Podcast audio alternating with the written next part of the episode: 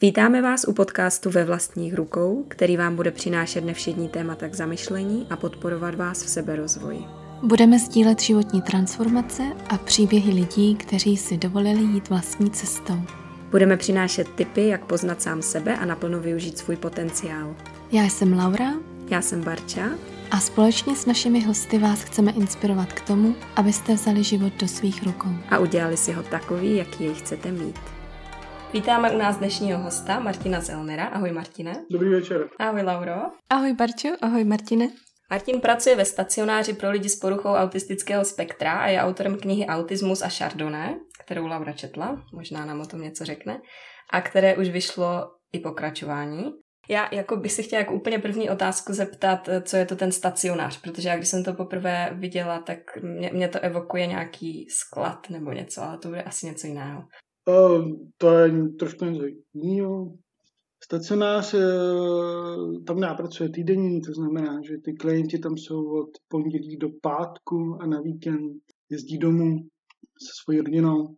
Je to nějaký kompromis mezi, mezi nějakým denním centrem a řekněme třeba celoročním zařízením, kde ty klienti jsou celý rok. Takže takový internát. Internát je vlastně to nej, nejbližší termín, ano, ano. A já myslela vždycky internát, že jakoby škola. A to tam teda děláte také, nebo oni chodí ještě někam jinam do školy? Někteří chodí do školy, někteří už ne, no.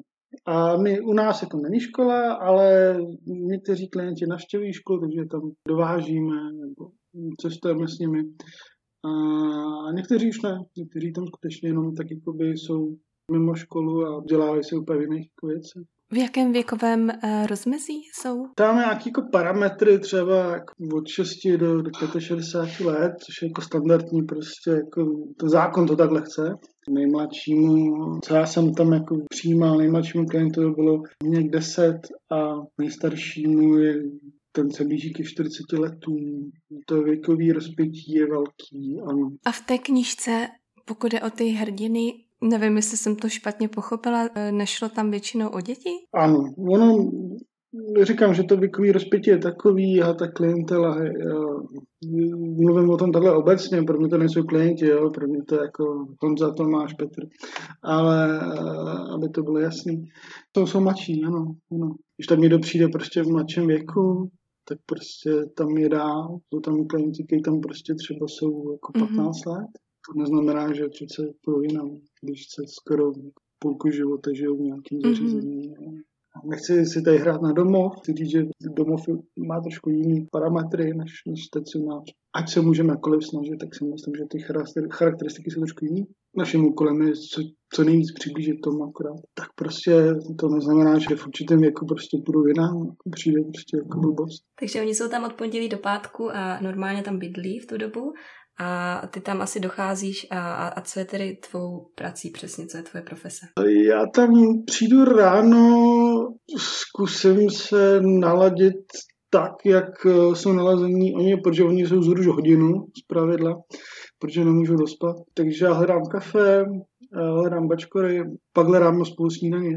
Kolik vás tam je zhruba dohromady? Co se tak o ně staráte? Snažíme se, aby na jednoho zaměstnance vyšlo třeba dva, maximálně tři, tři klienti. To myslím, že je strop, mm-hmm. protože máme specifickou klientelu, která, tím nemyslím autismus, tím myslím, že, že si vybíráme klienty, který oni ta péče jako není jednoduchá a prošli si nějakou cestou a ne každý zařízení je chce přijmout. Částečně to bereme jako výzvu. Takže někdy jsou klienti, kdy, kdy to je potřeba udělat jeden na jednoho v podstatě. A pak jsou klienti, kterým si můžete vzít ještě někoho dalšího, protože tu vaši pozornost až tak vlastně jako nás potřebují. Takže je to individuální, těžko se to jako popisuje nějak jakoby excelovským jako jazykem. Jo. A ale kdybych to měl nějak statisticky vyhodnotit, tak je to tak jako dva až tři klienti maximálně jako na, na, na, na zaměstnance. Já teda nevím, jestli jsem si vymyslela svůj vlastní příběh, když jsem četla tvoji knížku. Já jsem si vždycky myslela, že na té procházce s těmi dětmi je tak asi deset minimálně. že, že vlastně jedeš z deseti v tramvaji. Někdy ano. Někdy skutečně, když, je nás, když se ty asistenti spojí, tak skutečně jedete z deseti. Jo, prostě, že tak to je. Jo. Což je vlastně jako pro tu tramvaj velká zátěž. Ale ona to unese. Takže někdy to tak je, někdy to tak je, ale je pravda, že poslední dobou naopak spíš dostávám, si vybírám, no to bude kombinace obojí. ty těžší, těžší, nechci říct, tomu říkat těžší klienti, taky blbý termín, řekněme klienti, kteří potřebují výraznou pozornost, výraznou péči. Takže to skutečně potom už tolik nejezdím s deseti klientama tramvají, spíš, spíš se věnu individuální péči. A je tam nějaká vnitřní motivace, co tě k tomu vede? Nebo nějaké naplnění, že vidíš tu změnu v jejich chování nebo v té kvalitě života, když jsou v tvé společnosti? Hele, jakoby vidím to a musel jsem se to učit. Musel jsem se učit vidět jakoby pokroky, což my nejsme moc zvyklí ve společnosti. Když jako se něco podaří a něco jako vyjde, tak se to dozvíme z televize, z novin, nebo prostě nás mě pochválí, nebo tak. A, a, a v té jako, pak jako práci, jako třeba s těma klientama, který, který jsou náročnější, tak to člověk si musí najít, musí to hledat, musí upřít pozornost, to těžší malinko. A, myslím, že to vidím, myslím, že to vidím a, a baví mě to. Takže to, to je něco, co, co, co mě zajímavé. Ano. Ještě, když se vrátím úplně na začátek, když jsi žádal o tu práci, proč jsi třeba poslal vůbec životopis eh, tady na tuhle pozici? Já jsem pracoval v sociálních službách už předtím a tahle práce mi byla nabídnuta za lepších podmínek, takže jsem ji vzal. Takže taková náhoda. Takže taková náhoda, no. Jako, tady nebudu dělat z toho nějaký jako hollywoodský příběh, jako prostě takhle to bylo. Uh-huh. A jak dlouho už tam teda jsi? Teď jsem rekapituloval trochu a sedm let. A tu knížku si začal psát?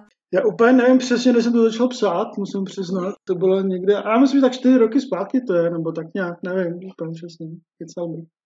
Jednoho dne vlastně jsem si řekl, že bych mohl něco, co se mi honí hlavou, dát jako na papír. Tak jsem si otevřel to víno a něco jsem napsal a Zjistil jsem, že to je fajn jako pro mě, že jsem si to napsal. Někomu jsem to dal přečíst a ten někdo pak řekl, ale jako to by bylo dobrý fajn jako, jako dát jako někomu dalšímu. A já jsem řekl, že nevím. A na druhou stranu jsem cítil vnitřně, že, že, že aby vlastně ten proces se uzavřel, jako ta terapeutická nějaká stránka té věci, tak je potřeba to nepsat do šuplíku a nějak to zveřejnit. Proto chodíme k terapeutům, jako jo, buď si to můžeme říkat do zdi, nebo to prostě řekneme někomu, to mi prostě rozdíl. Tak uh, jsem to tehdy vymyslel tak, že uh, v sobotu o půlnoci jsem zveřejnil uh, svůj článek někde, protože jsem čekal, že v sobotu o půlnoci ty lidi budou prostě úplně jinde než, než u počítače. A oni byli, ale já jsem zapomněl na to, že oni se taky jednoho dne můžou jako po té kalbě zbudit a, a najít si to zpětně. A jaká byla ta reakce? Já si musím přiznat, je to trošku pro mě jako už vzdálenější, ale myslím, že pozitivní. Já jsem věděl, proč to dělám, protože mi to dělalo dobře, potřeboval jsem něco jako, jako vypustit ze sebe nic jsem si od toho nasliboval. Dneska ty věci fungují jinak, jako ty komerční takový. Tehdy to prostě bylo fakt jako, eh, každý druhý měl blog tenkrát vlastně. Jo. Kdo, kdo bydlí v Praze a nemá blog a není avokádo, tak prostě to, to nefunguje. Dneska je to takhle z podcasty. No, dneska, dneska má každý podcast, přesně. Takže vlastně jsem to nějak jako neřešil a musím přiznat, že to bylo jako nějak byl jsem zaskočen vlastně z těch reakcí, spoustu věcí bylo na mě jako hodně rychle, protože jsem to bral jako terapii nějakou.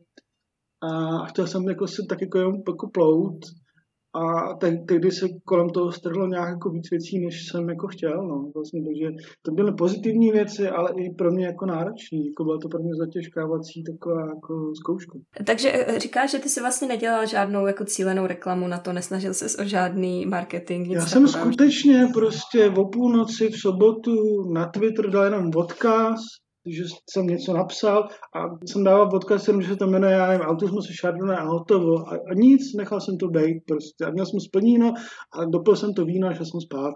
A ráno? No, čemu to přisuzuješ, že e, jakoby takové téma, které není úplně mainstreamové, se vlastně stalo populárním?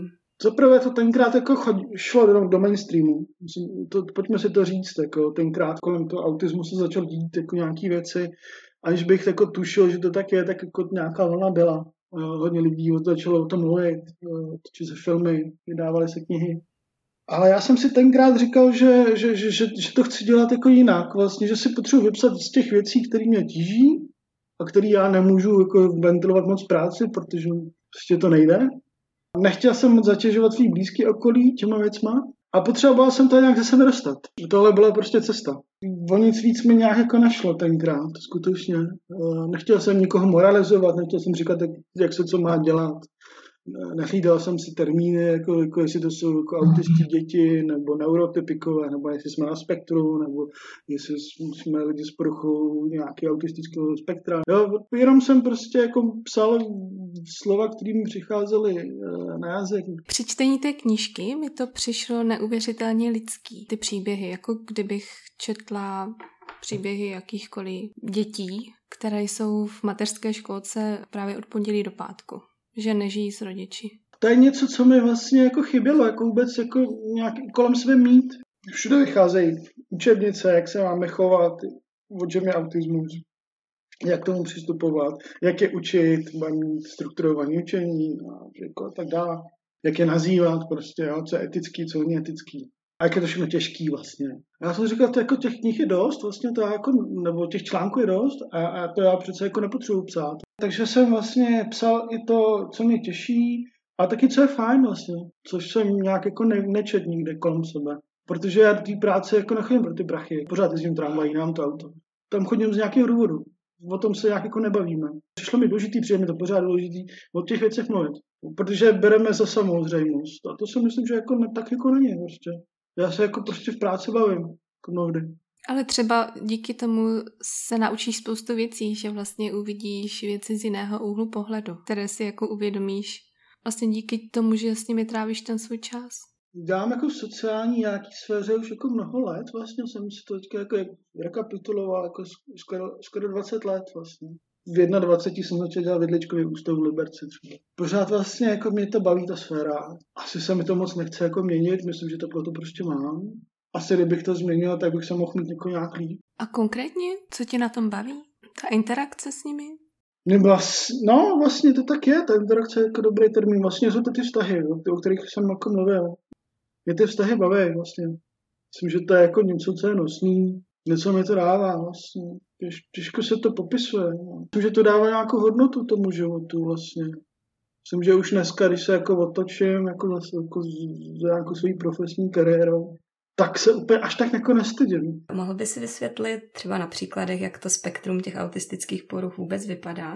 Myslím, že když si pozveš jako různí odborníky, tak každý ti řekne něco jiného. Někdo bude se držet učebnicového nějakého příkladu, kde bude mluvit o nějaký triádě, kde je postižení, kde, kde, kde se to dotýká sociální komunikace, interakce, různých zájmů, stereotypů a myšlení. Někdo naopak bude říkat, že, že, to, jsou, že to je prostě nějaký jako jiný projev chování. Já jsem nikdy s tady těma termínama až jako moc jako, jako nepracoval, protože jsem neměl potřebu. Bavím se o nějaký diagnostice. Když pracuješ s nějakým jakoby, člověkem, který potřebuje nějakou pomoc, pak o toho máme sociální služby, že ten člověk potřebuje pomoc, protože mu hrozí nějaký sociální vyloučení, tak si zmapuješ ty jeho potřeby, eh, co potřebuje, a kde potřebuje nejvíc pomoc. A můžeš být konkrétní například? Dobře. A to je jedna z těch jako kontroverzí. Nedávno jsem o tom mluvil, protože jsem dělal nějaký jiný eh, rozhovor, protože jsem na to někdo ptal. Já si pořád myslím, a mnoho lidí si to nemyslí, ale že lidé s autismem mají eh, stejné potřeby jako já. Máme stejné potřeby. Všichni na světě si myslí, že máme stejné potřeby.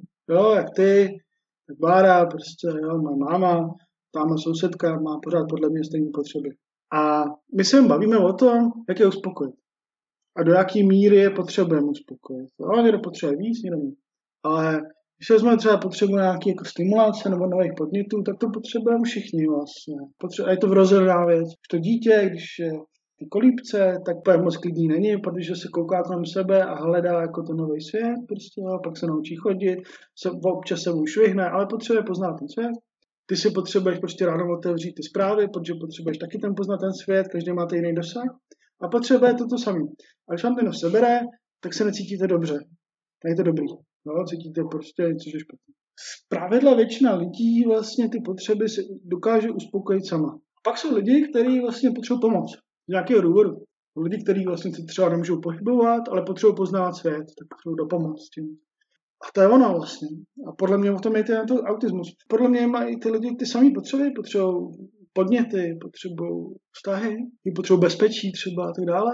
Můžeme, teďka můžeme vyjmenovat tu škálu těch potřeb. A mým úkolem by mělo být vlastně jim zprostředkovat to, kam nedosáhnou vlastně. Když bych se zeptala znovu, jako like, zhruba vím něco o té škále a o tom spektru, Říká se vysoce... Vysoce funkční a nízkofunkční autista, ano. Bavíme se o tom, jak moc funguje v té společnosti, řekněme. To je ten termín. Vysoce funkční autista, který to třeba, kam řadíme třeba Aspergerův syndrom, mm-hmm. kde ten intelekt není tak postižený, ale projevují se třeba deficity v sociálním chování, komunikaci. A nízkofunkční autista, kde už je hodně jako postižený i ten intelekt. Nějaká forma mentální retardace vlastně s tím autismem hodně spojená, ale nemusí? Měřit IQ jako autistovi je docela jako ostrý, jo. Je to, moc se to nedoporučuje, protože vlastně jak chceš, jo, prostě, ty, ty lidi selhávají prostě v testech bez jiných důvodů, jo. Těžko se to dá odhadnout podle těch testů. A když s tím člověkem pracuješ, tak docela dobře jako pochopíš časem, jestli je to jenom o nějaký sebeobsluze, anebo jestli se skutečně budeme bavit o nějakém vzdělávání. Aspoň z praxe to tak jako trošku cítím i já. Takže když roz, rozšíříme tady ty dva jako nějaký typy, jak ty říkáš, tak těch vysoce funkčních, já úplně nevím, kolik jich až je, protože spousta lidí, jakoby, když jsou vysoce, vysoce funkční, tak jako fungují a, a, a pro, jako propadávají tou sítí, takže jako nevíš, kolik, kdo je, tu, kdo je jako autista a kdo je jenom ajťák. Jako. Takže v tom, v tom je to takový jako zrádný. Kolikrát často lidé říkají, že to na něm není vidět. Jakože on nevypadá jako autista. A přesně tak, autismus nemá jako fyzický moc projev vlastně. Já jsem se s tím mnohokrát setkal v dopravních prostředcích, když jsem jel s nějakým autistou. Oni nevypadají, že skutečně potřebují to místo k sezení třeba, protože mají ZTP a lidi se kolem jako diví a tak dále. No skutečně, jakoby, autismus ne, málo kdy zanechává nějaký jako fyzický projev, nebo ne, autismus jako takový nezanechává, jenom když jsou tam přidružený nějaké jako nemoci.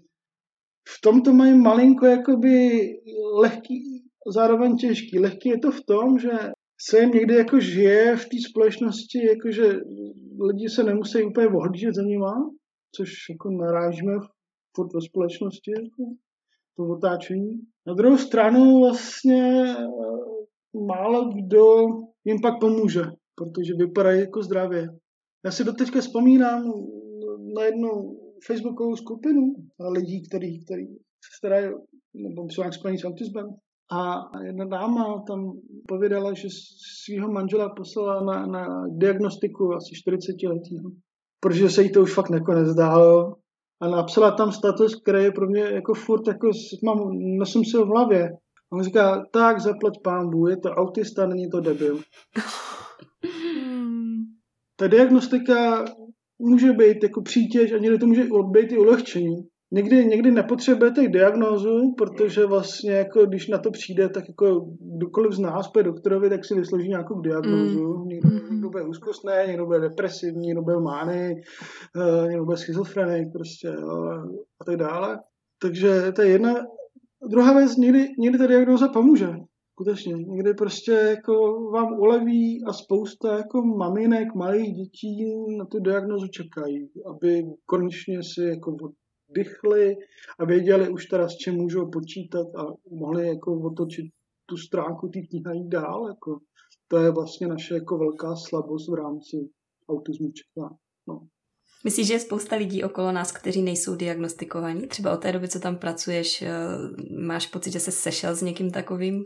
Já hlavně si myslím, že mi to je jedno.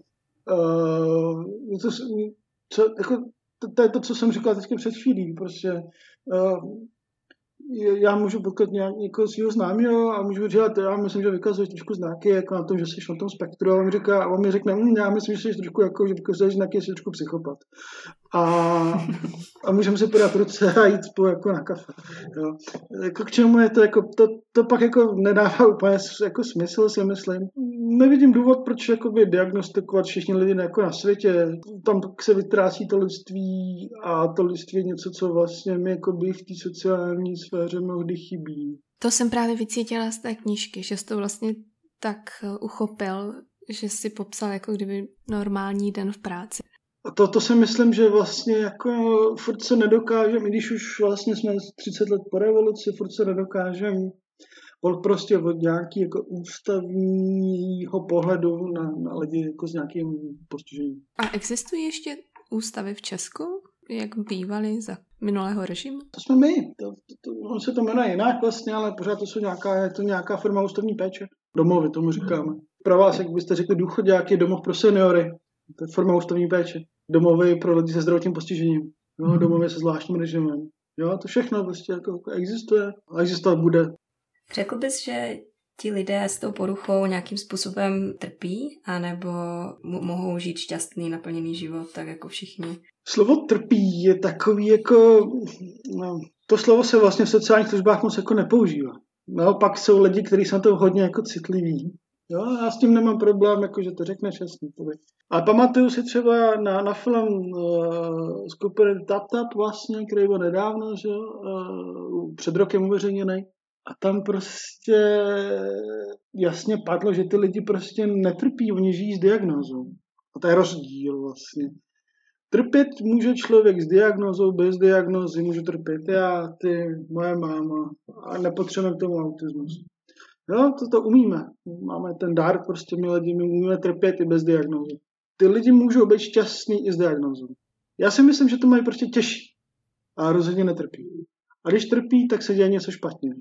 Znám spoustu šťastných lidí, kteří žijí s nějakým handicapem. A možná, jestli to Barč nemyslela tím, že díky tomu, že se v úvozovkách nemůžou začlenit do společnosti jako lidé bez diagnózy, tak možná jestli kvůli tomu netrpí. Já se teďka zeptám mužku ostře, a proč oni se nemůžou začlenit do společnosti?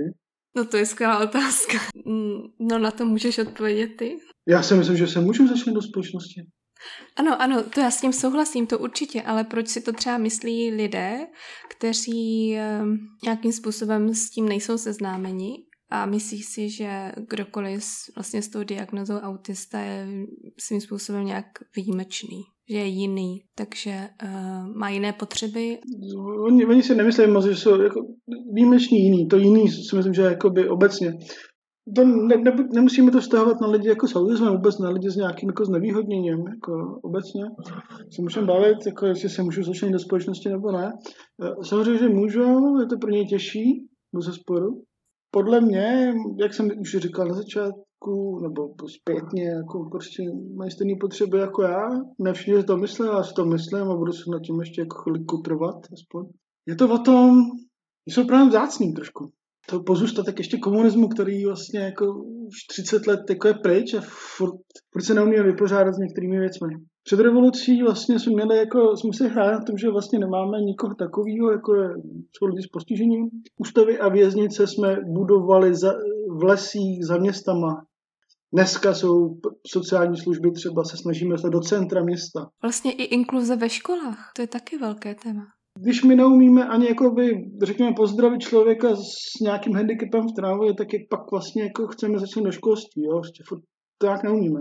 Podle mě to je velký pozůstatek ještě komunismu a nějaký jako výchovy, který ještě nemáme zpracovaný a trvá to strašně. A to se netýká lidí jako s nějakým handicapem, můžeme se bavit obecně vůbec jako nevím, postavení třeba žen ve společnosti obecně. Jo? Prostě je spousta bolístek, které ještě jako neumíme jako zpracovat a ukazuje se, že to trvá strašně dlouho a je potřeba, aby několik generací se tím prošlo, než se něco změní.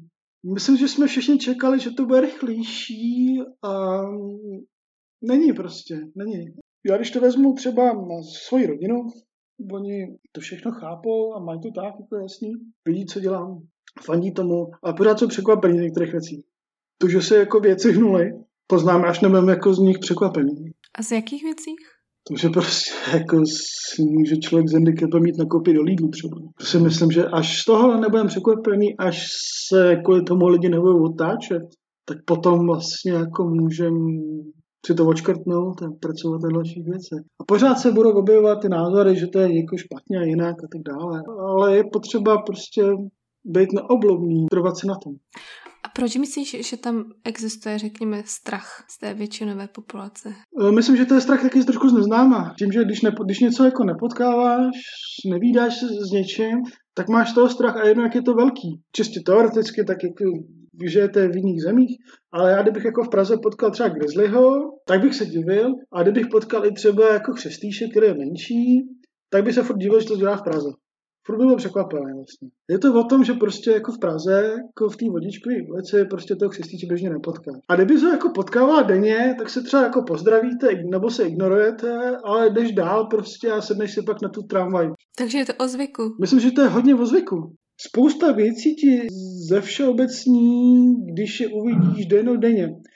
To je vlastně možná jako jeden z mála příkladů, kdy chceš, aby ti někdo jako se omrzel. Aby ty lidi, který vlastně máme furt někde na okraji, aby se stali úplně běžnou součástí, aby tě vlastně přestali zajímat a začali tě nudit. Teď to říkám expresivně, jo? to nemyslím tak, jak to, jako, jo? ale snažím se to dát úplně takhle do kontrastu. Tohle, to je výsled, tohle by měl být výsledek, jakože, že potkáš na ulici, na ulici člověka s handicapem a je ti úplně jedno. A když bude potřebovat pomoc, tak si řekne. Jenom jestli můžu říct moji zkušenost tady z života v Anglii. Tady opravdu lidi, nevím, jestli to je kulturou nebo tím, jak jsou zvyklí, že cokoliv výjimečného, neobvyklého je vůbec nerozhodí. Oni prostě pokračují dál, prostě to přijímají. Všechny ty odchylky nebo odlišnosti nebo originalitu, eh, nezvyklost. Alespoň tady v Londýně. Bavíme se do jisté míry o tom, že, že, že ta jako berlínská zeď prostě byla postavena tak, jak byla postavena. Já si do té, furt, furt si to myslím, že, že, že ten jako pozůstatek komunismu prostě jako tady je, ten postoj k tomu, že nám to dává nějaký jako, jako alibi. A jednou prostě přijde generace, která se nebude mít na co vymlouvat. No a myslíš, že ten stacionář k té inkluzi pomáhá? Protože tam jsou vlastně taky svým způsobem izolovaní. Bavíme se o tom vlastně, o sociální služby slouží k tomu, aby člověk nebyl vyloučen ze společnosti. A těch sociálních služeb máme jako v České republice jako docela dost, to z hlavy nevím přesně kolik, a řekněme třeba plásnu 15. Bavíme se o domovech pro seniory, bavíme se o službách pro lidi s nějakým handicapem, bavíme se o drogově závislí třeba. Jo, to všechno jsou sociální služby. Když to dělat, dělat nebudeš, tak vlastně jako hrozí to, že, že, ten, že ten člověk nebude vědět, co dál. Jo? Skončí na ulici třeba nebo, nebo někde jinde. My se teďka bavíme o tom vlastně, jako jestli já nepomáhám. Ne, ne ty konkrétně. institucionalizace vlastně ty sociální péče. Ta péče by měla být poskytována vlastně jako nějak subsidiárně. To znamená, že měla by co nejméně měnit to jeho prostředí. Takže když, se, když, když, to, když ten člověk potřebuje pomoc, tak by ta první věc je, jako jestli to nelze udělat doma u něj. Přesně tak. Mm. Jestli jsou alternativy k tomu stacionáři, takhle jsem to myslel. No, oni jsou nějaký asistenci, nějaký péči, jsou lidi, lidi v důchodovém věku, který si platí nějakou pečovatelskou službu, zaměstnanec přijde k němu domů, uklidí mu, přinese mu jídlo, uvaří mu, zkontroluje, jestli je v pořádku a odejde a ten člověk zůstává, nemusí chodit do domova pro seniory, ale zůstává doma. Takhle, jo, pak chce být doma, protože to je jeho domov. A pak jsou někdy ale při situace, kdy to prostě jako nejde. Kdy volíš mezi dvouma variantama, který prostě... Já v té službě pracuji docela dlouho a většinou, většinou ta volba vždycky byla o tom, která varianta je menší zlo. Viděl jsem, viděl jsem jakoby rodiny, které byly před rozvodem, postupně jako se hroutily, že to nešlo třeba. Já jsem, já jsem klienta, který potřeboval prostě přijít z domácnosti, úplně už se nemohl nadechnout to jsou, jak jsou pak příběhy, které jako nejsou moc vidět, se bavíme o, jenom o těch, jako, jako ne, nejde se to příběh do novin nebo na Facebook. Ale do podcastu jsou, tak můžeš s námi sdílet. Já když vezmu potom příběh někoho, nějaký rodiny, mám v hlavě konkrétně, nebo nějak jako specifikovat, která vlastně byla podle mě před rozvodem a koncem, pak umístili chlapci k nám a skutečně se mohli od pondělí do pátku věnovat sami sobě a o víkendu být rodiči, to zachránilo celou tu rodinu. A z pohledu toho chlapce? Myslím si, že z pohledu toho chlapce, protože to je můj klient, není to ta rodina, je to ten klient, můj chlapec, vidím, že, že se posunul ještě dál, než jsem jako původně čekal. On skutečně dneska přichází do puberty pomalu. S tátou kecáme o tom, mu ukazuje na tabletu věci, které ten táta nezná a, a, a i když e, nekomunikuje ten chlapec, tak ten táta pozná, že co se o něm myslí, protože puberta ty rodiče dokázali nebo dokážou během toho týdne načerpat tolik energie, aby o víkendu mohli být skutečně rodiči na 100%, než být každý den rodič na 10%. A to dítě to vidí a, a to si myslím, že je dobrý jako vzkaz pro to dítě. To si myslím, že něco, co, co potřebuje to dítě. A, je to udělané tady tím systémem. Ano, prostě kdybychom to měli líp, to beru, a, a dokážeme to dělat zatím takhle. Mm-hmm. Stojím si za tím rozhodnutím. Jako naprosto chápu to, co jsi popsal, protože i rodiče dětí bez diagnózy potřebují čas pro sebe a hodně času pro sebe, takže to může být prospěšné úplně pro všechny. Sociální učení to nejsilnější forma učení, který máme. Je jedno, jestli člověk má i diagnózu nějakou nebo ne to, co prostě to dítě vidí u svých rodičů, si nese nějak. Můžeš to rozvést, prosím tě? Spoustu věcí, které dneska my víme a děláme je, taky děláme proto, že jsme viděli pro nás u významných lidí, takhle to řeknu. Vztahová osoba se tomu říká. To nemusí to být rodič, může to být... Nějaký vzor. Vzor, teta to může být, bratr. Někdo, do, komu věříme a víme, proč to tak je. Někdo, kdo přináší bezpečí a kolásku. Takže si myslím, že těch vzorů, jak to říkáš, když máme někoho rádi a vidíme, že to takhle funguje, že to něco přináší, tak děláme to samý. To je něco, k čemu nepotřebujeme, a teď to řeknu ostře, jako moc velký intelekt. Vidíš to. Prostě to vidíš a sám, sama na sobě víš, že to funguje. Táte tě přijde, dá dobrou noc před spaním a ještě tě zachrumá, schová ti ty nohy, dá ti pusu a odejde. Blbost, ale víš, že to funguje. To si to pamatuješ. Pamatuješ si to dlouho, roky. Hmm. A to se učila ve třetí třídě výškolový. Ale tohle to Tohle to si zapamatuješ. A prosím tě, čí myslíš, že to je? No, já si myslím, že to je nějakou tou lidskostí. Jo, oni, jako ta paměť funguje zvláštně, eh, ten limbický systém a ta amygdala, ty, ty věci kolem, vlastně jako my si pamatujeme ty věci, které jsou pro nás eh, emočně významné. To, co pro nás emočně významné není, tak si moc nepamatujeme, protože nemáme důvod. Ale to sociální učení, jako říkáme tomu sociální učení, teda, to funguje skutečně podle mě i u lidí, kteří vlastně mají autismus nebo nějaký jiný postižení, nebo jsou nějaký, jakoby, má nějaký limity jiný. To je něco, co vlastně mnohdy jako opomíníme. Mnohdy se stává a v té výkonové době, kde jsme, kde jsme hodně jako hnaní jako výsledky, zapomíná na tom, že vlastně se můžeme učit uh, i věci, které jsou pro nás mnohdy důležitější. Nemusíme do nich investovat tolik času. A jdou napříč vlastně, jako nějakýma jako možnostma. To není nic jako novýho, jo, Goodman tomu říká jako emoční nějaká inteligence třeba, jo, můžeme se bavit takhle, jo, vlastně jako tomu říká jakoby sociální inteligence, jo, jak intra, tak nebo interpersonální.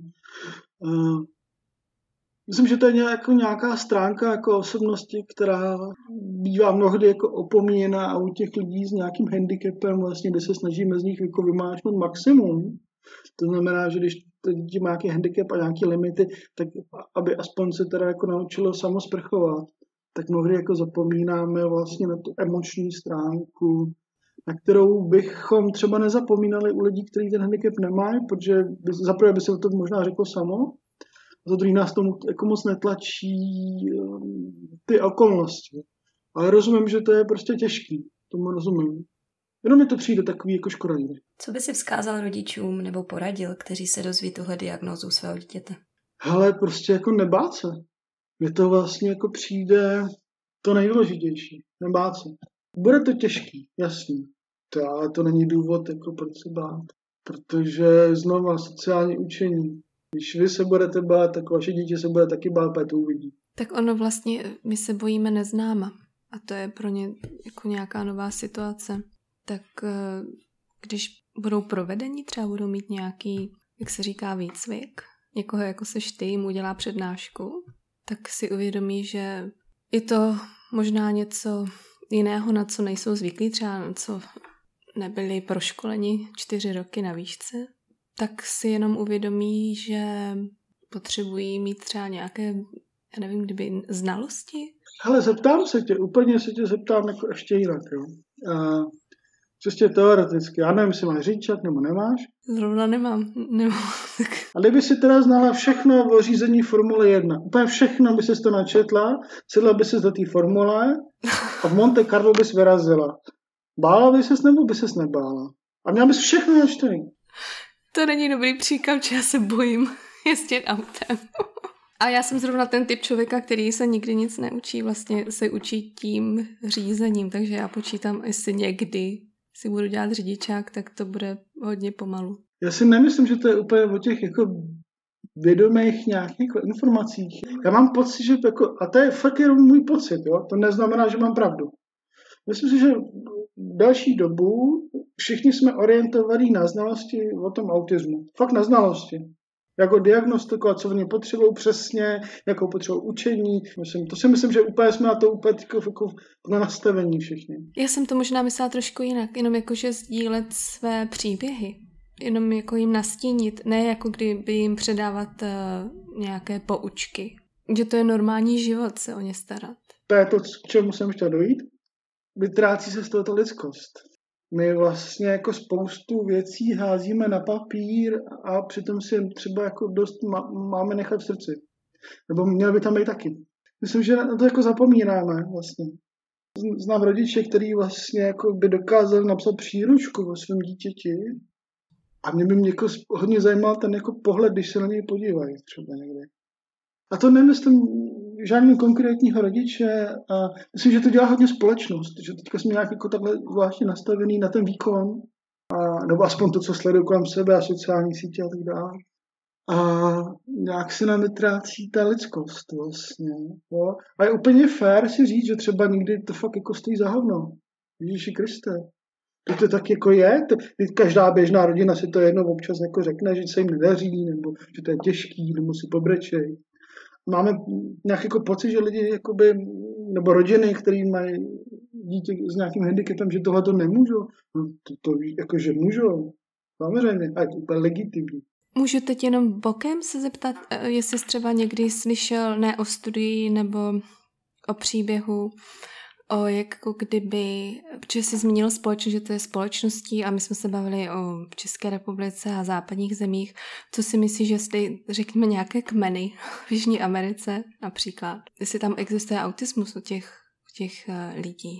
Já si vzpomínám jako nějaký jako semestry kulturní antropologie ještě na škole, a, ale to mi, jako ne, to mi neprozradí úplně, jestli tam byl autismus, ale když vezmu v potaz, že že autismus má nějaký třeba jako vrozený předpoklad, to má, a jsou tím častěji postižení muži než ženy, tak na základě tady tý jako nějaký jako predikce vlastně obecně bych řekl, že, že, že ano, že, že, že vlastně jakoby spousta diagnóz, možná bych, jako teď to zase řeknu expresivně, všude mají všechno. My v Evropě na to máme jako slova. Ale možná tím, jak i když říkáš, že všude mají všechno, tak třeba oni to tak jako nevyčlenují. Že prostě jako berou mezi sebe a berou to jako nějaký ten druh chování. Hele, a, to, a to, tohle znám ale i z Evropy. Já když třeba jsem byl, mám rád třeba Španělsko a často tam jezdím, tak když vezmu, jako, jak se chovají tam k lidem s nějakým handicapem, protože jsem stal xkrát, že jsem potkal v restauracích lidi s nějakým handicapem, s Downem syndromem a tak dále, mm, mm tak tam jako nikoho to nepřekvapí. Jako, či, mm. ten, ten člověk s handicapem si sám objedná jídlo, tady v České republice mu ho někdo objedná. A to je prostě jenom elementární příklad. To není jenom o kontinentech, to už se můžeme podívat v Evropě. Je potřeba prostě dojít k některým věcem a potřeba mít i nějaké jako příklady, který vlastně se o to zaslouží. Vlastně ta sociální politika u nás přece jenom je trošku jako upozaděná, protože, protože nepřináší politický body. No. To, to je skoro teďka téma toho empowermentu. Já nikdy, my nikdy nevíme, jak se to překládá, ale často na to narazíme, takového toho zmocnění. Dá se říct, že u nás jakoby je větší tendence těm lidem pomáhat, než je vlastně no, zmocnit k tomu, aby mohli všechno Říkáme dělat sami. tomu, to je u nás plnomocnění, ano. Je rozdíl mezi péčí a podporou. Ano. My máme tendenci pečovat, protože jsme měli tu tendenci i před 50 lety, aby ten klient, o kterého pečujeme, aby byl sticha, hodný a pečujeme od něj. Zapomínáme na tu podporu. Spousta lidí potřebuje jenom podporu, ne péči. Jenom potřebuje pomoct, popostrčit, poradit.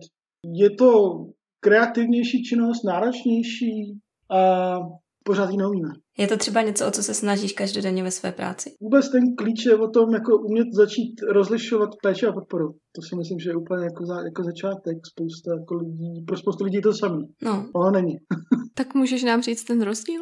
Jednoduše. Ha, řeknu ti ho. Ha, péče je o tom, že uděláš něco za někoho a podpora, že mu v tom pomůžeš. Mm, to je jako když učíš někoho chytat ryby. Jo? Ta podpora je jako naláhavější mnohdy, protože vyžaduje individuální přístup a kreativitu a tak dále. Ta péče je vlastně, řekněme, v ústavní, standardizovaná, takže uh, není až tak náročná.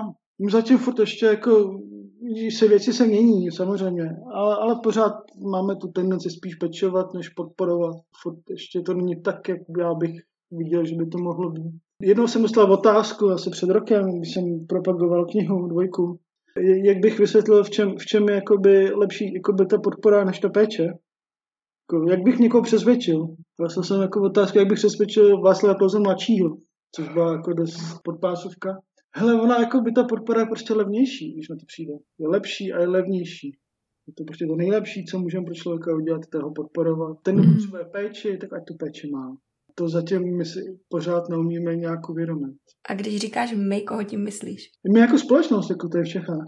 Ale je to, já, já musím přiznat, že mám jako i výhrady k nějaké jako komunikaci, která jako se děje v té jako sociální oblasti, protože se to jako zvláštně válčí mezi různýma spolkama a tak dále. Eh, nebo mezi vládou a spolkama, mezi spolkama navzájem, prostě a česká televize teď něco natočí a další ostatní se ohradí proti tomu a tak dále. Nějak se nám jako nedaří vlastně chtít stejnou věc, no.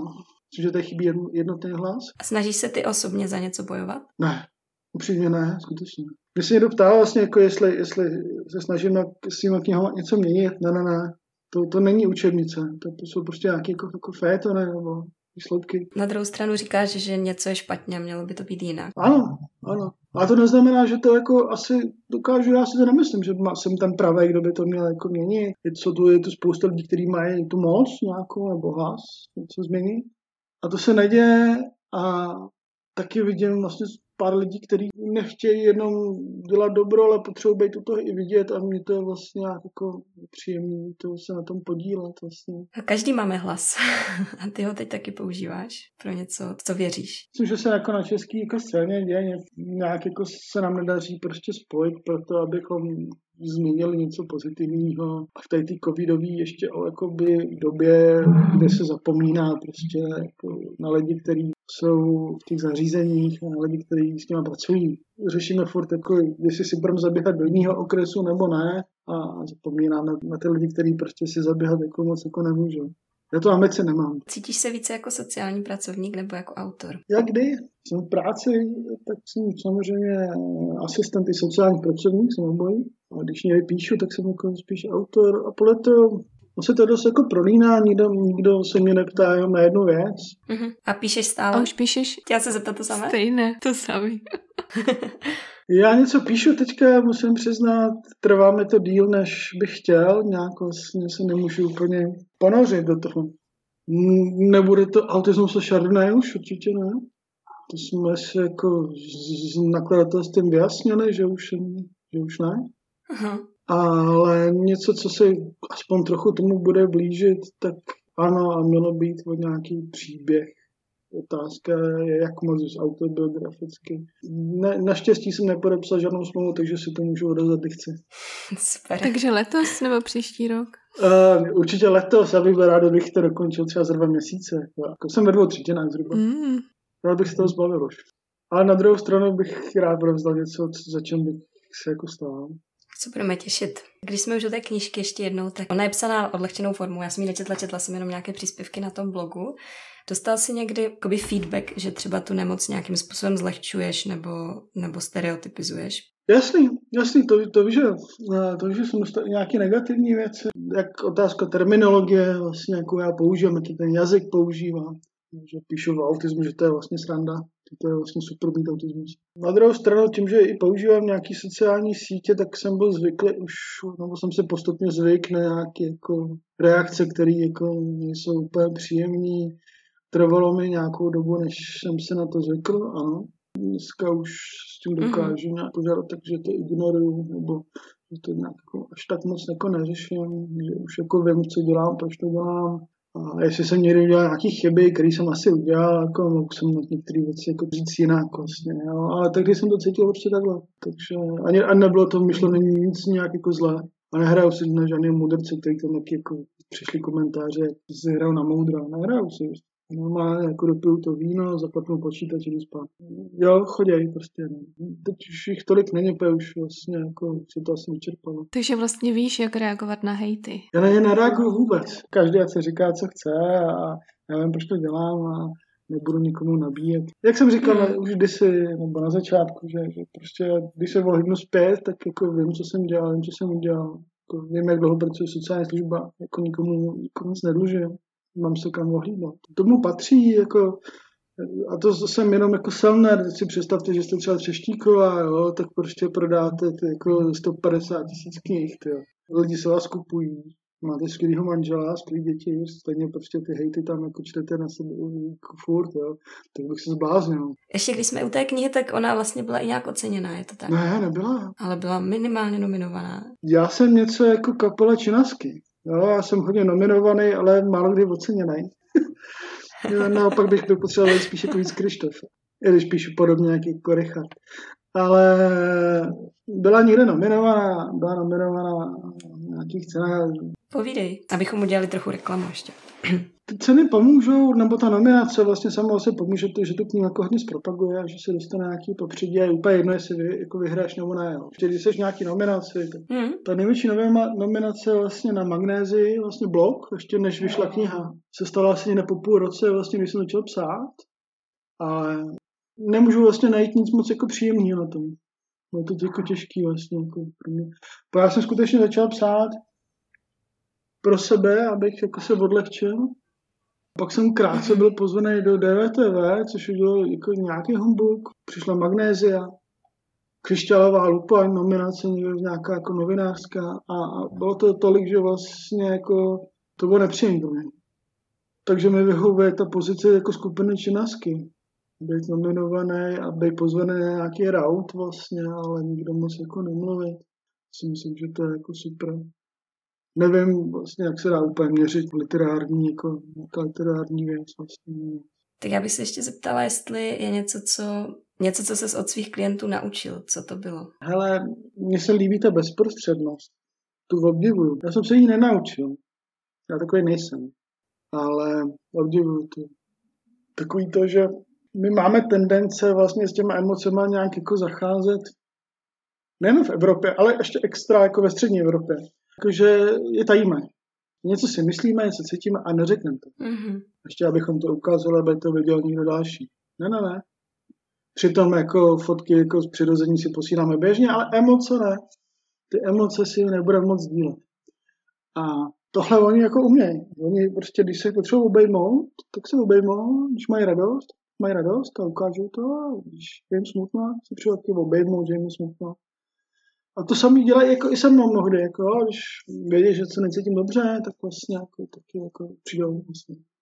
To bych, my bychom tady jako v Praze nedělali, my bychom jako koukali, jako proč ten člověk tak zhruba jako je smutný, možná si o tom napsali nějakou stať, napsali o tom na sociální sítě. To je tak všechno, co bychom dělali, asi bychom nešli obejmout. A to oni nemají takhle. To je něco, co vlastně je zajímavé. Asi nemají ten filtr. Není to tím? Jakože nefiltrují ty své emoce, jako můžu si dovolit to vyjádřit. A, a jak ten filtr vzniká? No těmi společenskými konstrukty, tou výchovou. No, to si myslím, no. A to není jako, to je kulturní věc nějaká, no, jsme nějaký, jsme nějaký Češi taky, jo, tak to, my Češi to máme jinak, než jako řekové, který prostě se obejmou a, a my to máme jinak prostě. Jsme takovýhle a, a, a tam já vidím jako nějaký deficit, který jako vlastně je škoda. Protože když vlastně vidím, že to udělají, tak vidím, že to funguje vlastně dobře. Já nevím, jak se to řeknete česky, ale možná ten pojem znáš nurture versus nature, příroda versus ta péče, nebo to prostředí. Jestli si myslíš, že kdyby ty geny jsou silnější než to prostředí. Ale jak jde? Jo, to jak u čeho, jo? Že když se bavíme o intelektu, tak víme, že ty geny jsou prostě klíčový, nebo o temperamentu. Pak se můžeme o vlastnostech, kde, kde ty geny nejsou až tak klíčové a ta výchova je zásadní. Že v tomhle tom, do jisté míry to je nějaké otázky genotypu, protože ten temperament ovlivňuje to, jako jestli se bude s někým objímat nebo ne, jako, co nebudeme nalhávat. Je znovu to sociální učení. Jako vidíš, že prostě tvůj rodič prostě jako vřelej, přívětivý, otvírá se všem. Nejenom jako psychicky, ale i fyzicky, jako rozevře tu náruč, to mám je otevřená, to dítě to vidí, tak to dítě nemá důvod dělat něco opačného. tohle nám nějak jako, my to nějak jako neumíme a furt si myslím, že to je jeden z těch pozůstatků z minulosti, který se neseme v sobě, že radši prostě být sticha, nemluvit, případně být na chatě. A nikdo by nevěřil, já bych sám nevěřil, že, že to může trvat 30 let. Ale věřím, že, že, že, že prostě už ta následující generace bude jiná. Cítím, že, to, že už jsou nic otevřený. Sice skrz sociální sítě, ale aspoň nějak.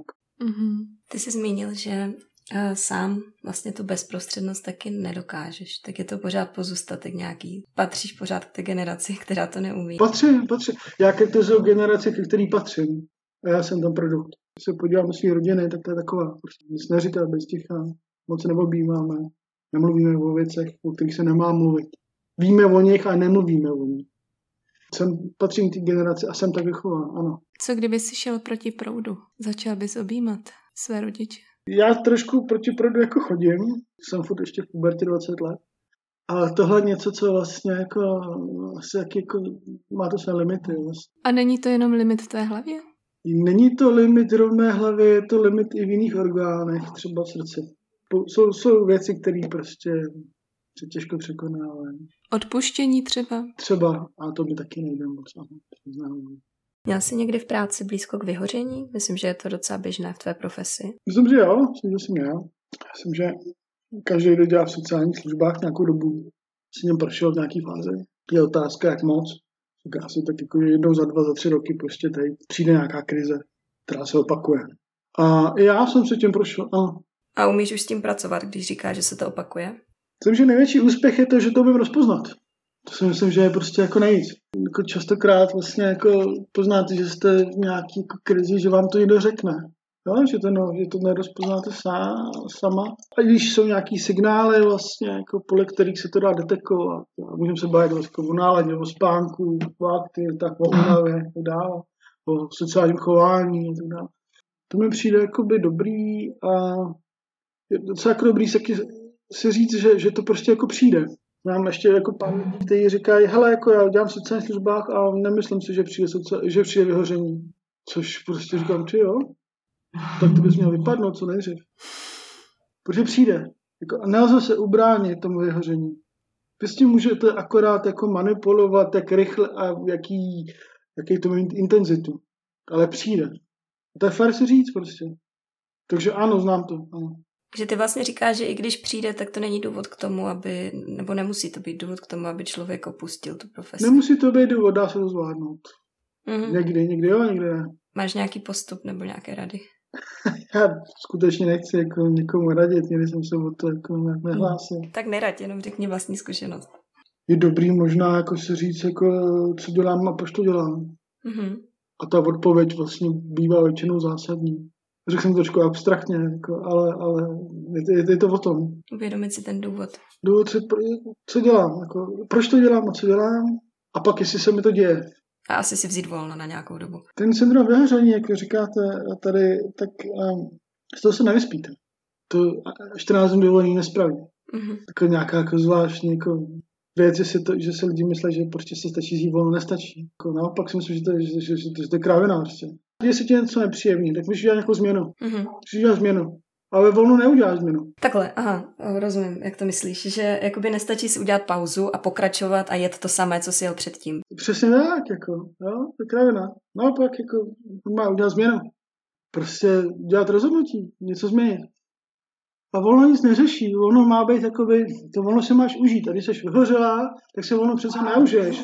A to volno je, to volno je za trest máš ještě víc času na to být s těma myšlenkama, který tě, jako jak to říct slušně, štvou. Teda teď já na tom budu celou noc myslet. Protože v mé teoretické představě to řešila dovolená tohle. Mm. V tom je rozdíl mezi dovolenou a volnem, když máš uh, na vyhoření, je rozdíl. Dovolenou se jdeš užít. A to volno jenom počítáš ty hodiny, jak běžej. A to rozhodnutí stejně uděláš až na konci, na konci toho volna. Musíš se rozhodnout vlastně, jako jestli tam chceš pracovat nebo nechceš, nebo ano, ale za jakých podmínek. Ale co když ty podmínky se nezmění? To je potřeba odejít. Tak to je prostě jediná odpověď. A je to dobře pro tebe, pro tvého zaměstnavatele, pro tvý klienty, pro tvý kolegy, pro všechny. A je to fér rozhodnutí, je to fér. Tam, tam není jako dobrá a špatná strana. To je prostě fér rozhodnutí. Nemůžu, končím. Nebo můžu za těch okolností, které ty okolnosti vy tady mi nemůžete poskytnout, a to respektu, proto musím odejít. Možná ten rozdíl ještě je v tom, že jako u některých lidí to vyhoření přijde ne proto, že by byli nějakým způsobem štvaní těmi podmínkami do určitého třeba kolotoče pracovního, ale že se do něho vlastně štvou sami nějakým způsobem. Že jsou to nějaká jejich očekávání. Je to prostě jejich nastavení, které mají v moci změnit, ale tím, že, jak říkáš, to třeba ani nevidí, že tohle to dělají. A to je definice, je to definice syndromu vyhoření. To je ono. Jako, jo, spousta lidí přichází do sociálních služeb, nebo obecně pomáhajících služeb, může se být o učitelích, může se o psychologích, chtějí něco změnit pak zjistějí, že vlastně to nemají ve svých rukou. A narazí na to. A ne jednou nebo dvakrát, ale třeba stokrát. Najednou nevidí důvod, proč by vůbec měl stát jít do práce. Jako. Protože stejně nic nezmění. Spousta lidí jde pomáhat a neví vlastně, co může a co ne. Takže jsou to vlastně nerealistická očekávání. Ano, a je dobrý se říct, to, co já sám můžu změnit a co už ne, a co prostě jako může tamhle úřad nebo sociální pracovník nebo tamhle primátor, vláda, Bůh, máma, co já vím. Jo? A přijmout to. Vlastně, co je v mé sféře vlivu. Přesně tak. A spousta lidí to neví, nebo to nemá úplně vyjasněný. Takže jako ta definice toho vyhoření je tohleto, že narážíme vlastně na tu ideu versus realitu. To je vlastně definice. Myslím, že je to dost aktuální téma pro spoustu lidí. Nic, jako nemyslím, že to je jako žádný jako, jako objevná věc, prostě to, to je věc, která vlastně patří jako po staletí k životu. No, tak to prostě je. Naštěstí vlastně se do jisté míry se snažíme jako pečovat sami o sebe víc, což je dobře vlastně. Je ten covid, to je trochu změna, jednou se stará víc lidí o sebe, jako vlastně ty, jestli něco pozitivně přines covid, tak je to to, že, že ty lidi se začínají zajímat sami o sebe, začali vařit a fotit si fotky na Instagram s to je ono vlastně. No, jako mít se rád vlastně v té míry. A pak někdy to ale nejde, v těch sociálních službách někdy to nejde. Někdy prostě jako zjistíte, že jste dorazili jako nakonec a, a dobrý si říct, jako, že můžu odejít. Jako dovolit si odejít je vlastně jako velký téma. Umět si dovolit odejít, protože jste ve vztahu s něčím, s lidma. Jo, když pracujete se vztahama, protože vlastně v sociálních službách to jsou ty vztahy, to jsou ty nástroje, můj nástroj je můj charakter a ty vztahy. Vlastně. Jako já, já, já, nemám jakoby vrtačku. Pracuji s těmi lidmi, s tím, že s ním mluvím, mám s tím vybudovaný nějaký vztah a díky tomu můžu něco měnit.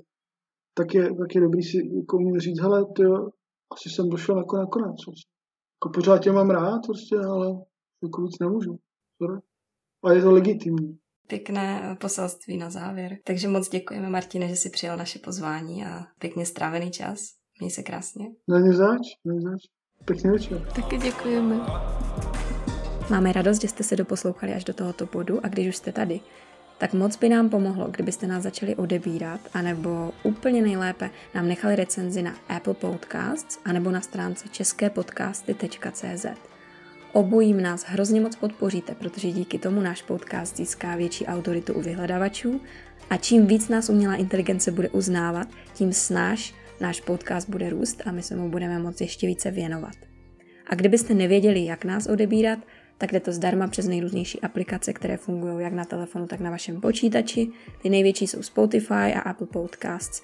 Pokud vám ani jedno nic neříká, tak doporučujeme začít s aplikací Google Podcasts, kterou si můžete buď stáhnout do telefonu, anebo ji používat přes webový prohlížeč. Zadejte do ní ve vlastních rukou a klikněte na odebírat. Dále dáváme materiál na Instagram a na Facebook, kde na naší stránce nahoře můžete stisknout tlačítko sledovat anebo nám dát like. Pokud máte jakýkoliv nápad, jak bychom náš podcast mohli zlepšit, napište nám e-mail na adresu podcast ve vlastních rukou.cz. Moc děkujeme za vaši podporu, mějte se krásně.